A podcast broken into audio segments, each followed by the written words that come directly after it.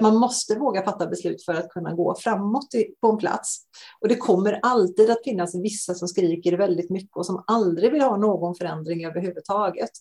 Eh, så att det är ju en balansgång det här. Och även om jag säger att man ska våga fatta beslut så tror jag att man ska försöka fatta beslut utifrån att skapa platser som är bra för så många människor som möjligt.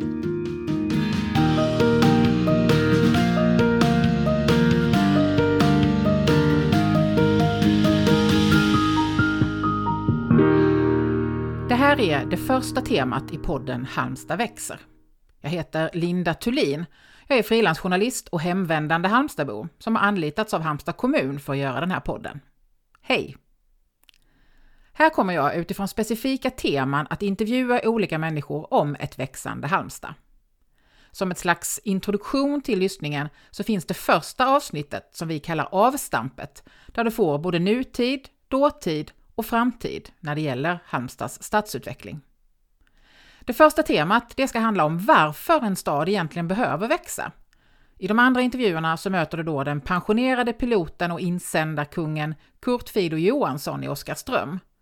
Företagsprofilen och tredje generationens bokhandlare i Halmstad, Ulrika Larsson, och kommunstyrelsens ordförande Jonas Bergman. I den här intervjun så möter du professorn i nationalekonomi Charlotta Melander vid Handelshögskolan i Jönköping. Hon är en av våra mest profilerade forskare när det gäller städers utveckling och vet allt om vad som gör en stad attraktiv. Och är du en av dem som oroar sig lite över ett växtverk och är du en av dem som oroar sig lite över växtverk och att utvecklingen i Halmstad möjligen går lite för fort, då ska du veta att du inte har någon bundsförvant i Charlotta Melander. Hon säger visserligen att segregationen är en av de stora utmaningarna med växande städer och hon säger också att det aldrig går att få med sig alla invånare på utvecklingståget. Men hon har inga argument för att en kommun inte ska vilja växa så mycket den kan. Så här säger hon om varför en stad behöver växa. Det är många som frågar det. Varför ska man växa överhuvudtaget? Många är rätt nöjda som det är och ska man verkligen behöva bli större? Men man ska veta att det kommer vissa fördelar med att växa det är egentligen två effekter på platser som växer. Den ena berör produktionssidan, det vill säga arbetsmarknadssidan kan man säga för företagen och för de som arbetar. Att arbetsmarknaden blir starkare. Dels så är det lättare att hitta rätt person på rätt jobb om man har fler att välja mellan. Man kan lära av varandra, man får stordriftsfördelar, det vill säga att man kan slå ut fasta kostnader på fler personer. Det finns en rad sådana effekter, något som vi forskare då med lite finare ord kallar för agglomerationseffekter. Och, och de här agglomerationseffekterna gör att företagen blir mer produktiva på större marknader där det bor fler människor. Och blir man det, ja då kan man också betala en högre lön. Och, och det är ju anledningen till att lönenivåerna ligger högre på platser där det bor fler människor som arbetar. Så ser det ut liksom i land efter land. Man ökar produktiviteten när det bor fler människor som arbetar på ett ställe. Men det är inte hela så att säga, fördelen av att växa. Den andra fördelen ligger på konsumtionssidan. För är du många människor som bor på en plats, ja då är det också fler människor som kan gå ut och äta, som kan gå ut och fika, kan gå ut och köpa kläder, gå ut och klippa håret, alltså gå på museer, gå på restauranger, teatrar. Och alla de där bitarna, är man många som gör det, ja då finns det också underlag för att driva fler den typen av verksamheter. Och man kanske kan ha en lite större teater som kan ta in fler roliga evenemang och så vidare. Och, och det gör ju att man får liksom en, ett bredare konsumtionsutbud och det tycks väldigt många tycka är ganska intressant och, och påverkar platsen positivt. Så det är båda de här två sidorna som kommer i takt med att städer eller platser växer och får fler invånare. Men det är också det motsatta som händer med platser som krymper, det vill säga att dels får en svagare arbetsmarknad och också så börjar Eh, konsumtionsutbudet dras ner. Ja, för det är lite lätt att fastna i det när man nu är i en stad som växer och har vuxit så mycket genom historien, så att säga, att man glömmer att det finns så många städer som, som eh, brottas med det motsatta problemet. Om du skulle beskriva lite grann hur det är för de som har eh, Halmstads motsatta problem, hur, hur är det i de kommunerna? Och det ska man komma ihåg, det här är ju liksom nästan en majoritet av landets kommuner vi talar om. Oftast mindre kommuner som ligger på håll från en lite större plats.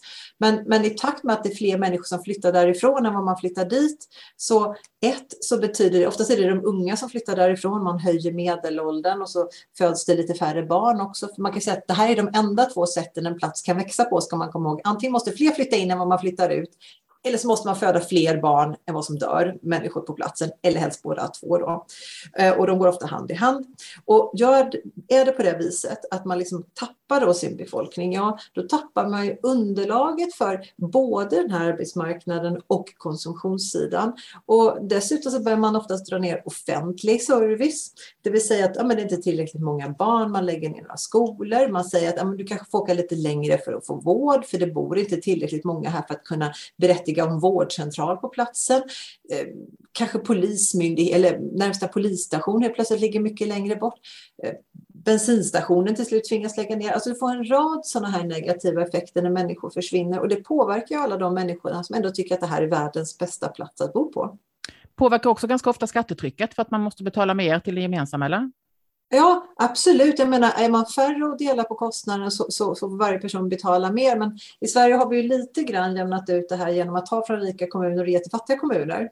Så till lite grann är det här ju anledningen till att man ändå kan ha en hyfsad offentlig service på de flesta platserna, även om den inte är likvärdig överallt.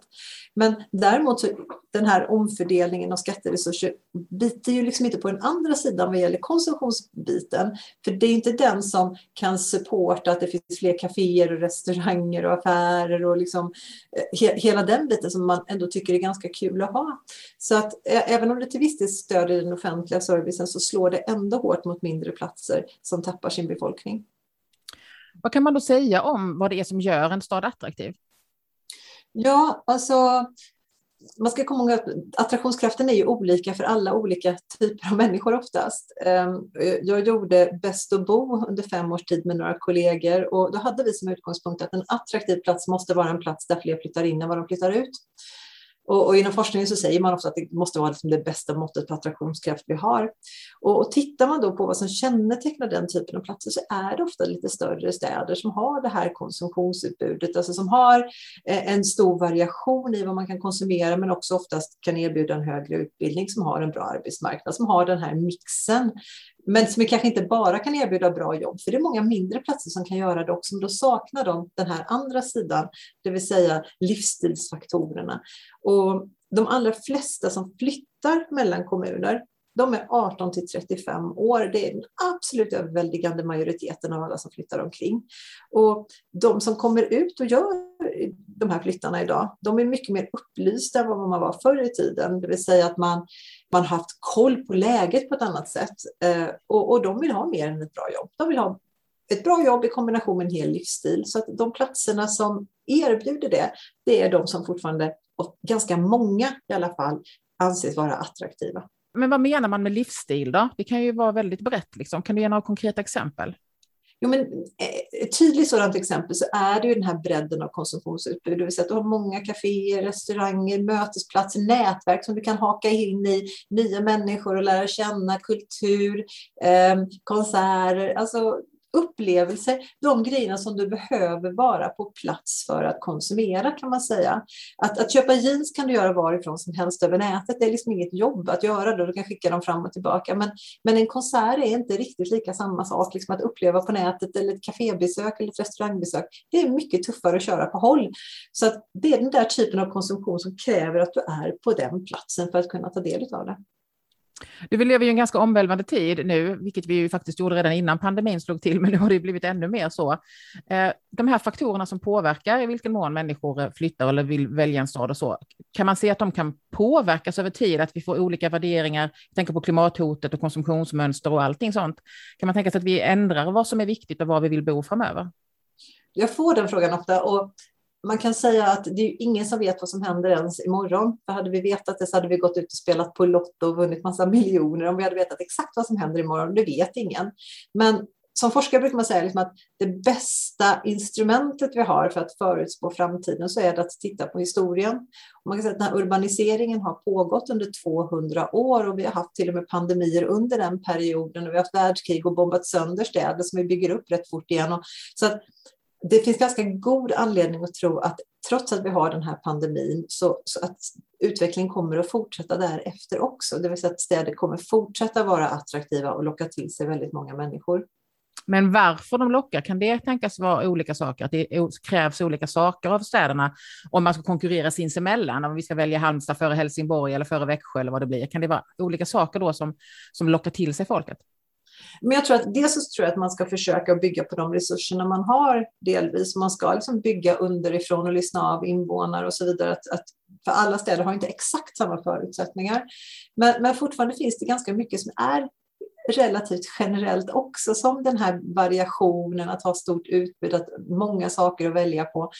Det tror jag kommer att vara ett vinnande koncept också framöver. Mm. När man växer mycket, och nu så tar ju Halmstad höjd för att faktiskt växa med 50 procent eh, på 30 år, då finns det många som tycker att nej, men det här går för fort och det är inte bra för kommuner, Det finns liksom en massa risker med det.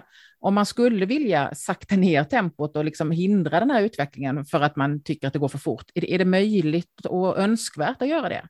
Alltså jag skulle säga nej, att man bör inte försöka göra det. Man ska vara medveten om att att växa kommer inte utan kostnad. Det är inte så att det bara kommer en himla massa fördelar och inga kostnader med det hela. Kostnaden är ju typiskt liksom att huspriserna sticker iväg, man får lite skevare inkomstfördelning, en ökad segregation och det är verkliga utmaningar som är jättetuffa och som man ska jobba med utan tvekan. Men alternativet att inte växa, den kostnaden är ännu större. Och man ska komma ihåg det att om Halmstad skulle stanna av eller minska lite i befolkning, ja då kommer det finnas andra städer som ligger jämbördigt med Halmstad som, kommer, som fortsätter att växa, som helt plötsligt kommer framstå som mer attraktiva. Och så kanske man då liksom tappar resurser relativt de platserna. Så att, nej, jag skulle säga att det inte alls är önskvärt att stanna av och växa, utan snarare liksom att också förstå vilka utmaningar växandet kommer med och jobba med det parallellt. Mm. Vi ska komma in på det om en stund tänkte jag. Men det jag tycker är intressant nu, jag kommer ju tillbaka hem till Halmstad efter att ha bott eh, i Stockholm i ett decennium. Eh, och jag slås ju av uppdelningen lite grann. Att å ena sidan så finns det en kategori människor som tycker att det är jättespännande och jättekul att Halmstad utvecklas och ser en massa möjligheter. Och sen finns det en grupp som är ganska orolig och tycker att eh, det kommer med ett högt pris och, och så vidare. Det där är ju en utmaning för politiker och makthavare att, att hantera. Hur ska man göra eller för det första, hur vanligt skulle du säga att det är att det finns en sån kluvenhet till att växa bland befolkningen? Jag, alltså jag har inga siffror på det, men jag tror att det är ganska vanligt. Alltså vi tycker olika. Eh, och, och, det behöver man ju liksom förstå. Jag tror att många gånger så har en miss som man har gjort, kanske från framförallt nationellt politiskt håll, är att, liksom att den upplevelse jag ser här runt omkring mig också den som alla andra upplever, utan förstår som att verkligheten kan se olika ut för olika människor. Även om vi alla bor i Sverige eller till och med att vi bor i samma stad så kan upplevelsen av det som håller på att hända vara väldigt olika.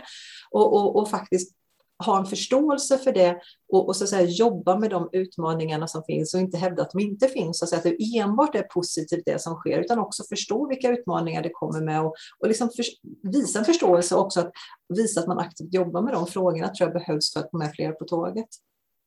Jag tänker att eh, det finns eh, dels en slags eh, oro, och det har vi pratat om i vårt inledningsprogram, om det här att man i alla tider har tyckt att Nej, men nu har vi växt lagom, nu ska vi inte bli större och så. Så det är en ganska vanlig eh, tanke, liksom, att vi behöver inte bli större eller vi kan inte bli större. Så det är ju en aspekt kring den här skepsisen. Men en annan aspekt av skepsisen tycker jag också är att det finns en misstro mot att politikerna fattar de kloka besluten, att man gör rätt avvägningar när det gäller bostäder, grönområden, kulturaktiviteter, ja, men allt, alla avväganden som man har att göra som kommun. Hur ska man tackla den situationen? Alltså, det finns väl egentligen bara ett sätt att tackla den och använda sin röstsedel. Så att säga. Det här är ju en del av en demokrati, att vi röstar fram de politikerna vi vill ha. Och sen så är det faktiskt de som i mångt och mycket är med och bestämmer om utvecklingen. Det betyder inte att de inte kan lyssna av invånarna, att man inte kan ha en kontinuerlig dialog, men, men det mest effektiva sättet att liksom ändra en utveckling så är det väl att ta till sin röstsedel. Jag funderar över liksom i vilken mån det finns ett fog att vara skeptisk mot sina makthavare och finns ett fog för att vara lite orolig för att de blir fartblinda alternativt eh, fattar beslut som kanske inte på lång sikt är det bästa och så där. Kan man säga någonting om så här klassiska misstag som man gärna gör som makthavare i, i det här expansionsskedet av en kommun? Alltså jag har ju ingenting på fötterna speciellt att kunna generalisera och säga att ja, men i den där stan, där är de fartblinda och där har de minsann inga skygglappar på. Det är jättesvårt att säga en sån grej, men, men jag tror att sagt, man som politiker ska vara medveten om att utvecklingen, även när det går positivt, inte alltid är positivt för alla. Och, och faktiskt försöka föra en dialog kring det och liksom fundera på hur, hur hanterar vi att så många som möjligt ska kunna hänga med på tåget och kunna ta del av de fördelarna som skapas av att man växer. Mm. Du, vi pratade om det lite grann innan, jag tänkte fördjupa det lite nu också, det här med vilket som då är baksidan och svårigheterna som blir av att man växer. Vad kan du säga om vilka är de vanligaste problemen som uppstår, uppstår i städer som växer? Ja, men jag skulle säga att det är de här tre som jag nämnde, alltså att huspriserna sticker upp, segregationen ökar och inkomstfördelningen blir skevare. För att attraktiva platser är ju inte bara attraktiva för en viss grupp människor, utan det är både de som tjänar mycket pengar och de som tjänar lite mindre pengar. Och så dras samtliga till platsen och då blir det ofta så att eh, det är egentligen bara de med kanske riktigt schyssta inkomster som har råd att börja köpa hus i de trevliga kvarteren eh, och sen så bjuder de över de som har lite lägre inkomster som blir hänvisade till andra typer av kvarter. Och så sticker huspriserna jättemycket där, där det är attraktivt att bo och så blir segregationen mer tydlig och så vidare. Det här är ju klassiska utmaningar i attraktiva städer eh, som man bör vara medveten om och som man bör liksom fundera på, liksom framförallt med nybyggnation och så vidare, hur man, hur man ska liksom planera sin stad och vilka mm. som ska bo på olika ställen. Man har ju med det i planen här där man försöker bygga så blandat som möjligt och där det redan finns hyresrätter bygger man villor och radhus och så vidare. Att det finns en sån plan. En annan sak som jag tänkte fråga om när det gäller det, det är ju att, att eh, det man också satsar på i Halmstad är ju att försöka behålla andelen människor som bor i tätorten eh, eh, respektive utanför tätorten, vilket ju gör att det blir ju en väldig förtätning nu som ska ske inne i centrala Halmstad och människor säger att men varför kan inte fler människor bo i de här kranskommunerna och serviceorterna som vi har, där det finns mer mark och där man slipper liksom förtäta och så. Det vet jag att du har tankar om. Kan du inte berätta lite om det?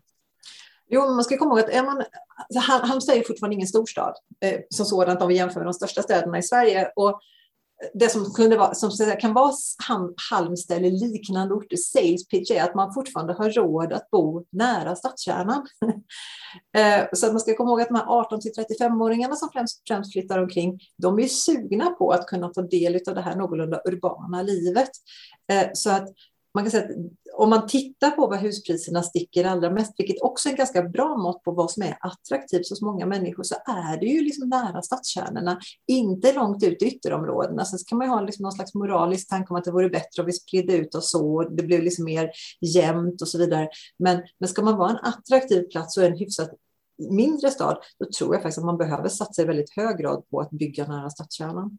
Halmstad har ju fortfarande en tillgänglighet in till stan och det tror jag är viktigt att ta tillvara på om man är en stad av Halmstads storlek. Du, till sist tänkte jag vi skulle prata om en annan grej som du lägger mycket fokus på som handlar om människornas betydelse i en stad. Eh, vad kan man säga rent generellt om vad, vad vi Halmstadbor har för betydelse för stan? Ja, om man tittar rent generellt på människor. Jag brukar säga så här, innan jag, jag är ute och håller föreläsningar väldigt mycket. Jag har nog hållit föreläsningar i nästan 250 kommuner. Det är nästan de flesta svenska kommuner. Och innan jag åker ut och håller en föreläsning så brukar jag alltid titta på ett, hur många bor i kommunen? Hur tätt är det där de, hur tätt med varandra bor man? Och hur långt är det till närmsta större ekonomiska granne, det vill säga nästa större stad? Och med de tre måtten så kan man förutse oerhört mycket hur det går för en plats. Man kan nästan säga ungefär vad inkomstnivån är, hur arbetslösheten ser ut, hur stor andel som är eh, men, högutbildade, hur stor andel som fortfarande drivs av tillverkningsindustri på platsen. Det här är otroligt linjärt. Men, men ibland kan man komma ut på en plats där man känner att här går det ändå lite bättre än vad man kunde förvänta sig. Eller eller här går det lite sämre än vad man kunde förvänta sig. Och då hänger det nästan alltid på människorna på platsen. Att man liksom, att om man jobbar tillsammans, om man litar på varandra, om man jobbar åt samma håll, om man försöker hitta konstruktiva lösningar och så vidare. Ja, givet förutsättningarna så går det då ändå oftast lite bättre än vad man skulle kunna förvänta sig. Därmed inte sagt att man kan liksom klättra jättemycket på liksom Stockholm i ett höj för att man är så himla sammansvetsade, för så enkelt är det inte. Men man kan ändå se till att givet förutsättningarna så gör vi den här platsen så bra som vi bara kan. Och vilka är det då som kan göra det? Ja, det är viktigt med de viktigaste aktörerna först och främst på tåget. Alltså att ha ja, politiken, tjänstemännen, fastighetsägarna, näringslivet i allmänhet. Att, att de stora viktiga aktörerna är med på tåget. Men, men också liksom att lyssna av nyckelgrupper som bor där. Och liksom alla, alltså man, man vill skapa en stad som är bra för så många människor som möjligt. Men att ha de här nyckelaktörerna som sagt med på tåget. Att de, ja, men att de litar på varandra, jobbar åt samma håll, vill liksom liknande grejer. Det är ganska viktigt. Mm. Jag vet att du också pratar lite grann om att samtidigt som människorna kan vara en väldig kraft så kan de också eh, vara delaktiga i att det bromsas upp lite grann. Berätta mer om det. Ja, jag jobbar ju med en kollega som heter Richard Florida. Vi har jobbat ihop i många år och Richard i sin tur jobbade under en period med Jane Jacobs som är, man kan säga stadsutvecklingens eh, förgrundsfigur. Hennes arbete är egentligen det som mycket av modern stadsutveckling bygger på. Och Richard frågade Jane vid ett tillfälle hur det kan komma sig att man har två platser som på pappret har liknande förutsättningar, alltså ungefär samma geografiska utmaningar, ungefär samma industristruktur och så vidare, ungefär samma utbildningsnivåer och ändå går den ena platsen mycket bättre än den andra och vad det kan bero på. Och då var Jane Jacobs svar att det är beroende på närvaron eller frånvaron av det hon kallade för squelchers, det vill säga bromsklossar. Alltså är man en tillåtande miljö som faktiskt tycker det är kul att utmana lite, som försöker att vara en bra plats för eldsjälar som vill driva saker, en tillåtande miljö, ja då är det oftast lite, det går lite bättre på de platserna jämfört med om man är den där typen av plats där de istället säger att nej, men det får du pröva någon annanstans eller så har vi aldrig gjort här. Det, så tänker man, usch, vad ska de skriva i lokaltidningen? Eller nej, det, det, hoppar vi över. Ja, då händer också mycket mindre grejer, för antingen så lägger de där eldsjälarna ner helt och hållet eller också väljer de att flytta någon annanstans och då blir det inte riktigt lika roligt på den platsen. Så att, att försöka så långt som möjligt vara en öppen och tillåtande miljö är jätteviktigt. Och sen kommer vi aldrig någonsin hamna i ett läge där varje förändring uppskattas av allt och alla och då måste politiker och tjänstemän ändå våga fatta beslut. För att man måste våga fatta beslut för att kunna gå framåt på en plats. Och det kommer alltid att finnas vissa som skriker väldigt mycket och som aldrig vill ha någon förändring överhuvudtaget. Eh, så att det är ju en balansgång det här. Och även om jag säger att man ska våga fatta beslut så tror jag att man ska försöka fatta beslut utifrån att skapa platser som är bra för så många människor som möjligt. Eh, och, och, tänka liksom att stadsutveckling inte är någon sån här silver bullet vi kan skjuta iväg och så växer vi, det vill säga typ vi bygger en arena, sen är det klart, liksom, utan snarare tänka brett. Liksom. Ja, men hur, hur kan vi göra så många roliga aktiviteter, så många som möjligt? Kan vi se till att så många som möjligt på den här platsen faktiskt har det ganska bra? Och, och också tänka liksom i stadsutveckling i termer av att det är en process och inte ett projekt som någonsin blir klart, utan det här är en ständigt pågående eh, process som kommer att fortsätta framöver. Charlotta Melander, professor i nationalekonomi vid Handelshögskolan i Jönköping. En av intervjupersonerna på temat Varför en stad behöver växa. De andra intervjuerna hittar du på samma ställe som den här, eller på halmstad.se när du söker på podden. Där finns också information om hur du kan kontakta oss. Halmstad växer görs på uppdrag av Halmstad kommun och redaktör är Susanne Ståhl. Jag heter Linda Thulin. Hej då!